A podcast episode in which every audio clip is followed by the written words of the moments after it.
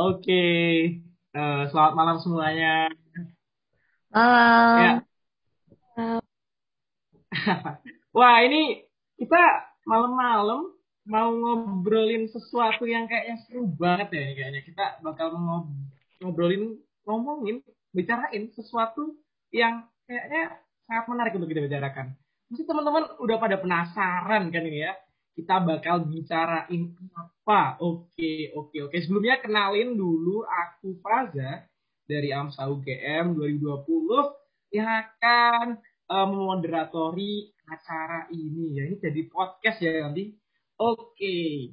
Ya, jadi malam ini ya kita itu akan ngobrolin tentang bagaimana sih kondisi dari uh, teman-teman atau masyarakat tunarungu yang ada di Indonesia dan bagaimana kita bisa nge-upscale atau um, membuat better quality of life dari uh, para penyandang tunarungu di Indonesia. Oke, sebelumnya mungkin kita uh, boleh kenalan dulu deh. Ini ini ada siapa aja dan dari mana ini ya? Oke, kita panggil satu-satu nih. Ada ada ada siapa ya? Ada Kak Tio nih. Boleh kenalan dulu Kak Tio? Hai Faza, kenalin aku Vio dari AMSA UI. Aku di sini ditemenin sama Nesa. Wah, halo Kak Vio. Ada ada Kak Nesa. Ini gimana nih Kak Nesa? Halo, oke nama aku Nesa. Aku dari AMSA UI juga. Halo Kak Nesa. Halo Kak Vio. Kak Nesa. Wah, ini kita rame-rame dari AMSA UI. Oke, selanjutnya nih ada lagi ada Kak Nadira nih.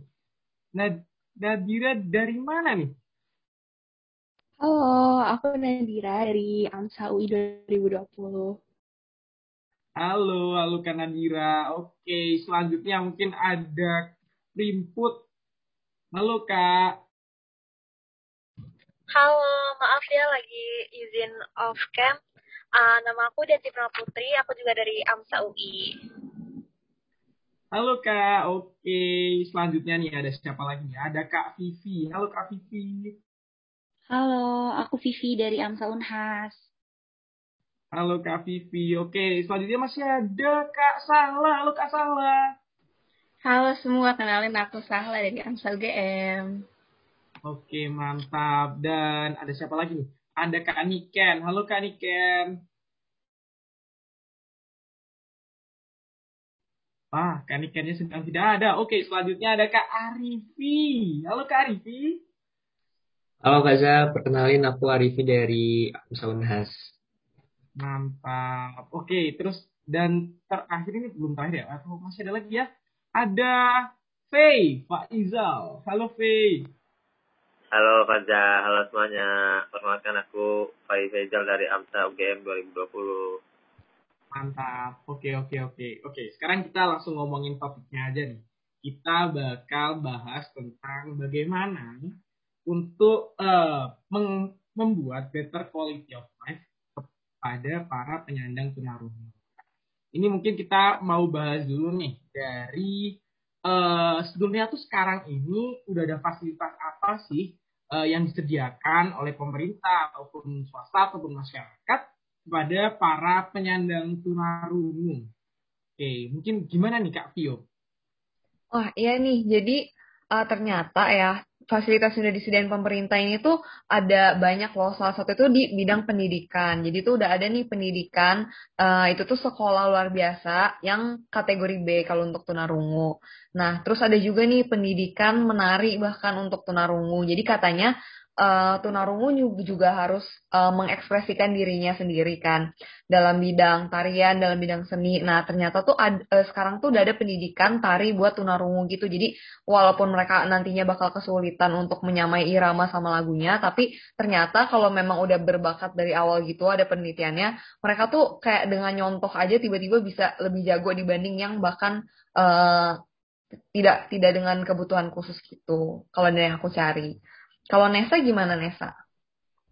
Iya, benar banget tuh. Jadi aku mau tambahin aja. Jadi uh, dalam Permen Hub nomor PM 98 tahun 2017 itu dikatakan bahwa adapun aksesibilitas yang harus disediakan oleh penyedia jasa transportasi bagi penyandang disabilitas rungu adalah informasi visual tentang perjalanan yang mudah diakses sehingga penyandang disabilitas rungu uh, dapat menerima informasi perjalanan yang ada pada transportasi publik tersebut.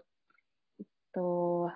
Wah, menarik banget ya. Jadi sebenarnya ini uh, pemerintah itu sudah menyediakan uh, banyak fasilitas ya yang uh, sangat mendukung untuk keberlangsungan hidup teman-teman penyandang tunarungu kayak gitu ya. Uh, tapi nih, tapi nih, ada mungkin ada yang masih miss. Kira-kira uh, ada apa ya kak? Kira-kira saat ini mungkin kita kita lihat dulu status quo-nya saat ini di Indonesia seperti apa. Mungkin uh, Kak Sahla mungkin bagaimana Kak? Sebenarnya tuh sekarang apakah para penyandang tunarungu itu sudah merasa tercukupkan atas fasilitas yang uh, disediakan oleh pemerintah atau seperti apa ya? Eh, nah, kalau misalnya kondisinya di Indonesia itu gimana? Jadi berdasarkan pasal 39 ayat 3 UU Penyiaran nomor 32 tahun 2002 uh, menyatakan jaminan akan hak informasi dengan ketersediaan penerjemahan. Nah, jadi tapi tetapi pasal dalam UU tersebut tidak tegas mewajibkan serta tidak adanya pengaturan sanksi bila mana tidak menerapkannya dengan baik terhadap kepastian pemenuhan secara maksimal bagi kaum disabilitas. Jadi uh, ini mungkin masih ada beberapa yang televisi yang udah rutin nih ada ada bahasa penerjemahnya, tapi ada yang masih belum karena masih belum tegas terhadap sanksinya. Nah, kalau misalnya buat angka-angkanya nanti bakal disampaikan ya sama Vivi. Oke, gimana Kak Vivi ini? Angka-angkanya mungkin biar kita lebih percaya sama data yang dimiliki oleh pemerintah saat ini. Iya benar-benar banget. Jadi di Indonesia itu ada 603 740 jiwa. Nah, di antaranya itu uh, tentunya ada beberapa uh, penyangga disabilitas. Nah, itu tuh persenannya tuh cuma 0,07 persen. Nah, cukup rendah sih teman-teman, tapi meskipun uh, rendah gitu, kita tetap harus selalu uh, ngedukung uh, penyangga disabilitas uh, dalam menjalankan uh, aktivitasnya sehari-hari. Itu sih.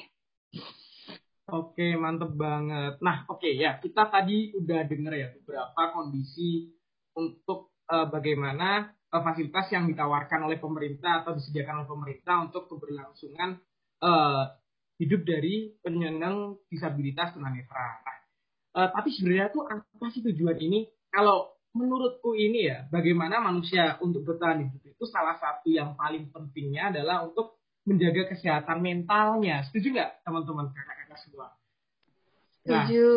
Setuju banget. Nah, makanya itu uh, aku lihat ya, sebenarnya uh, apa sih yang udah di di apa ya aku melihat banyak sekali tantangan ya sebenarnya banyak sekali tantangan untuk kesehatan mental uh, untuk para kaum tunarungu sendiri bahkan ya bahkan walaupun walaupun buat uh, kita saja yang misalnya kita uh, tidak ada kebutuhan khusus itu sendiri dalam uh, menguasai kesehatan mental kita kadang masih berantakan. Nah, uh, di samping itu pasti dengan keterbatasan fisik yang dimiliki oleh para penyandang tunarungu itu akan ada challenge challenge yang lebih banyak yang uh, bisa dia yang harus dihadapi oleh mereka. Nah mungkin Kak Nadira dan Kak Primput nih, sebenarnya apa aja sih challenge-challenge dari kesehatan mental para penyandang tunarungu itu seperti apa sih kayak gitu? Oke, jadi sebenarnya sih uh, orang-orang yang mempunyai tunarungu nggak jauh beda sama kita. Mereka semua punya mental health sendiri dan semua, semua pola pikirnya pasti sama. Pasti mereka ada self esteem issues gara-gara uh, ke kemampuan mereka yang mungkin suka diremehkan oleh orang-orang orang-orang dan juga pasti apalagi untuk uh, teman-teman yang tunarungu dan masih puberty tuh waktu di SMP, SMA pasti itu susah banget.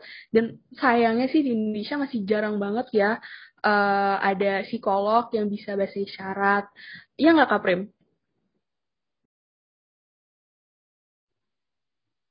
Oke, jadi ya. jadi memang iya jadi, jadi memang masih banyak uh, tantangan seperti itu ya. Mungkin Kak Kak Prim gimana kan? Iya benar. Iya Ya, dan seperti yang mungkin kita banyak tahu, kayak orang tunarungu itu kan mereka cenderung mengalami kesulitan ya dalam melakukan komunikasi verbal atau percakapan dalam kehidupan sehari-hari mereka. Nah, itu sebenarnya sih, jadi mereka tuh cenderung kayak semacam dikucilkan, apalagi seperti yang kita tahu, stigma orang Indonesia tuh kan masih kayak, masih banyak mengenai orang-orang tunarungu, tunanetra, dan lain sebagainya. Jadi mereka tuh cenderung dikucilkan di masyarakat. Jadi kayak uh, mungkin aja uh, dari hal-hal kecil gitu kan siapa tahu mereka nggak mau diajak temenan. Tapi lama-lama hal-hal kecil itu menumpuk dan lama-lama juga bisa jadi hal yang besar gitu buat mereka. Hingga mungkin beberapa dari mereka bahkan butuh bantuan yang profesional karena ya rasanya dikucilkan pasti nggak enak kan apalagi karena sesuatu yang emang dari sananya gitu bukan karena mereka nakal atau apa. Jadi menurut aku tuh kayak masih sedih gitu sih karena stigmanya masih buruk gitu Oke, jadi di luar keterbatasan mereka juga masih ada uh, apa ya stigma di masyarakat yang masih mengganggu untuk uh, para penyandang disabilitas ini bisa berkembang kayak gitu ya kakak-kakak dan teman-teman. Nah, uh, di sisi lain ya, aku pernah baca uh, tentang sebenarnya tuh ada apa aja sih yang perlu diperhatikan agar kesehatan mental kita terjaga. Nah itu ada enam hal ya ini ini ini dari salah satu sumber itu mengatakan yang pertama adalah tentang uh, penerimaan diri atau self acceptance. Nah lalu yang kedua ada relasi positif dengan orang lain. Kemudian ada kemandirian, keempat ada penguasaan lingkungan, kelima ada tujuan hidup, dan keenam ada tentang self growth atau pengembangan diri. Nah, sebenarnya dari enam hal ini itu apa aja sih yang dibutuhkan oleh para penyandang disabilitas tunarungu ini untuk bisa memenuhi keenam uh, dimensi tersebut supaya mental mereka itu dalam kondisi yang sejahtera. Mungkin uh, Kak Arifi atau V ingin berpendapat?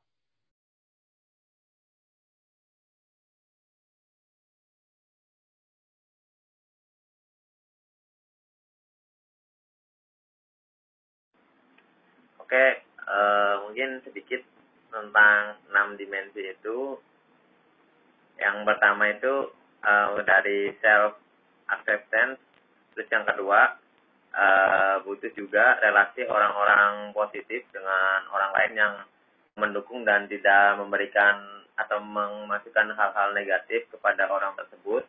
Lalu dibutuhkan juga kemandirian dari uh, orang tersebut untuk uh, membantu para penyandang disabilitas atau tunarungu ya terus uh, selanjutnya ada penguasaan lingkungan.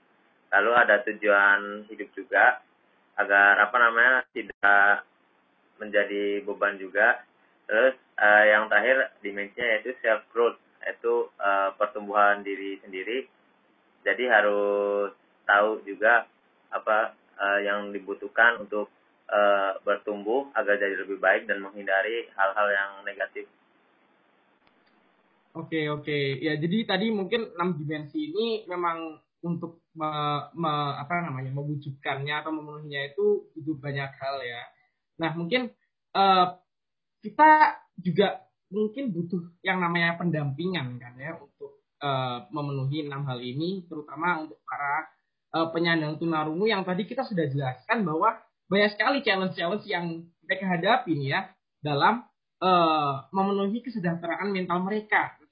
Ini mungkin uh, pendampingan seperti apa ini yang dibutuhkan oleh kaum tunarungu? Uh, mungkin ada yang ingin berpendapat teman-teman?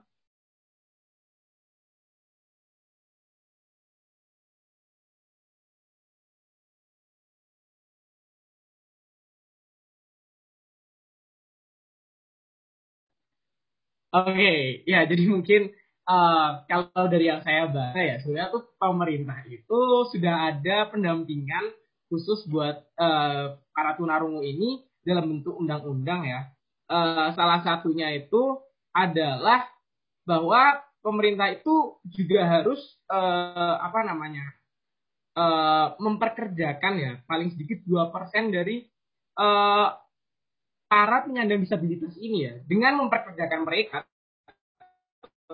itu ini akan membuat uh, para penyandang disabilitas ini uh, bisa lebih apa ya bisa lebih uh, bisa survive terhadap uh, semua rintangan hidupnya. Dan juga ya kita kalau bekerja tentu akan mendapat paparan terhadap banyak orang dan juga uh, tentu bisa punya uang ya untuk bertahan hidup untuk uh, apa namanya melangsungkan kebutuhan hidup memenuhi kebutuhan hidup kayak gitu. Oke, nah selanjutnya uh, mungkin kita ini bahas lagi ya. Kira-kira tuh sebenarnya tuh yang masih bisa dikembangkan dari pemerintah kita ataupun masyarakat kita ataupun dari pihak swasta itu dalam menjunjung kehidupan dari para penyandang disabilitas agar kehidupan lebih baik itu seperti apa ya kakak? Mungkin bisa langsung saja menyampaikan pendapat.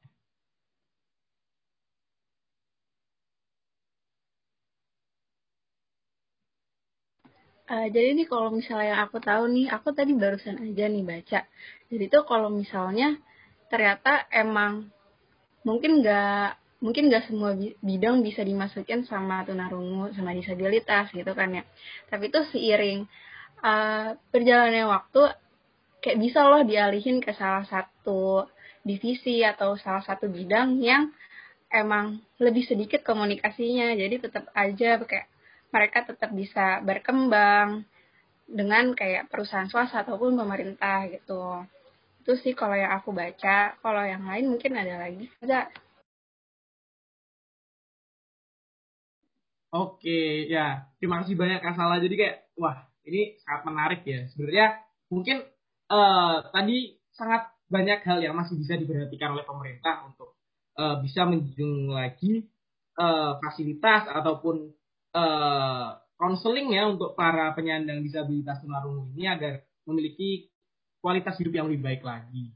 Di samping itu aku juga uh, berpikir kalau misalnya para psikolog ini harus perlu juga untuk bisa bahasa isyarat ya kayaknya supaya uh, para penyandang disabilitas tunarungu ini bisa uh, apa namanya uh, bisa konseling ataupun setidaknya berbicara ataupun uh, curhat sama para psikolog sehingga bisa memutuskan dari permasalahan yang dimiliki oleh mereka.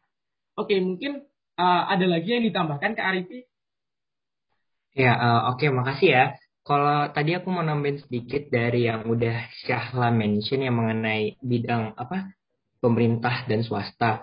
Kalau dari realita yang ada, sekarang aku lihat bahwa pihak swasta pun sudah mau membuka mata mereka terhadap teman-teman baik tunarungu ataupun teman-teman uh, yang memiliki kebutuhan khusus. Contohnya salah satu perusahaan seperti Burger King di mana mereka sudah mau menerima uh, teman-teman tunarungu sebagai pegawai mereka bahwa di sini kita melihat uh, kesadaran masyarakat uh, mengenai teman-teman disabilitas uh, itu mereka itu memiliki kebutuhan khusus dan tidak ada batasan untuk memper memperkerjakan teman-teman uh, seperti mereka. Mungkin seperti itu. Terima kasih. Wah, menarik oh, iya banget nih. Kak. Oke, gimana Kak Salma? Oh iya, aku mau mention lagi. Jadi kalau misalnya, uh, jadi selain yang perusahaan tadi yang udah disebutin Kak Arifi, juga ada nih Gojek. Jadi misal kalau misalnya emang mungkin tunarungu nggak bisa uh, dipekerjakan menjadi uh, yang Gojek yang ngantar jemput orang lain gitu kan ya. Tapi bisa banget kalau misalnya untuk go live, go message yang nggak terlalu uh, berputar tentang komunikasi gitu jadi kayak bisa banget kalau misal emang ternyata uh, masih masih minim gitu kan ya interaksinya masih bisa banget dibuka kesempatannya gitu biar sama-sama berkembang juga terus juga okay. makin banyak kan kayak pelatihan buat dokter-dokter juga kayak buat bisa bahasa isyarat gitu kayak program-program yang dilakuin sama organisasi kayak mahasiswa atau organisasi kedokteran gitu kan kayak mungkin di bidang kita juga mungkin pada tahu lah ya. Oke ya, terima kasih banyak ini. Wah, seru banget ya pembicaraan kita malam ini tentang bagaimana sih hak skill kehidupan dari uh, para penyandang disabilitas tunarungu. Nah, uh, terima kasih banyak teman-teman atas pembicaraan yang sangat sangat seru dan menarik ini. Uh, semoga dari pembicaraan kita ini bisa menghasilkan sesuatu dan kelak uh, kita mungkin bisa apa ya uh, bisa lebih tentu kita pengen agar masyarakat tuh lebih aware lagi, lebih care lagi sama penyandang disabilitas tunarungu. Oke, uh, mungkin sekian dulu uh, bincang-bincang hangat kita malam ini. Wah, seru banget nih. Terima kasih banyak teman-teman semua. Uh, itu aja dulu. Saya Faza, pamit undur diri. Bye-bye. See you next time.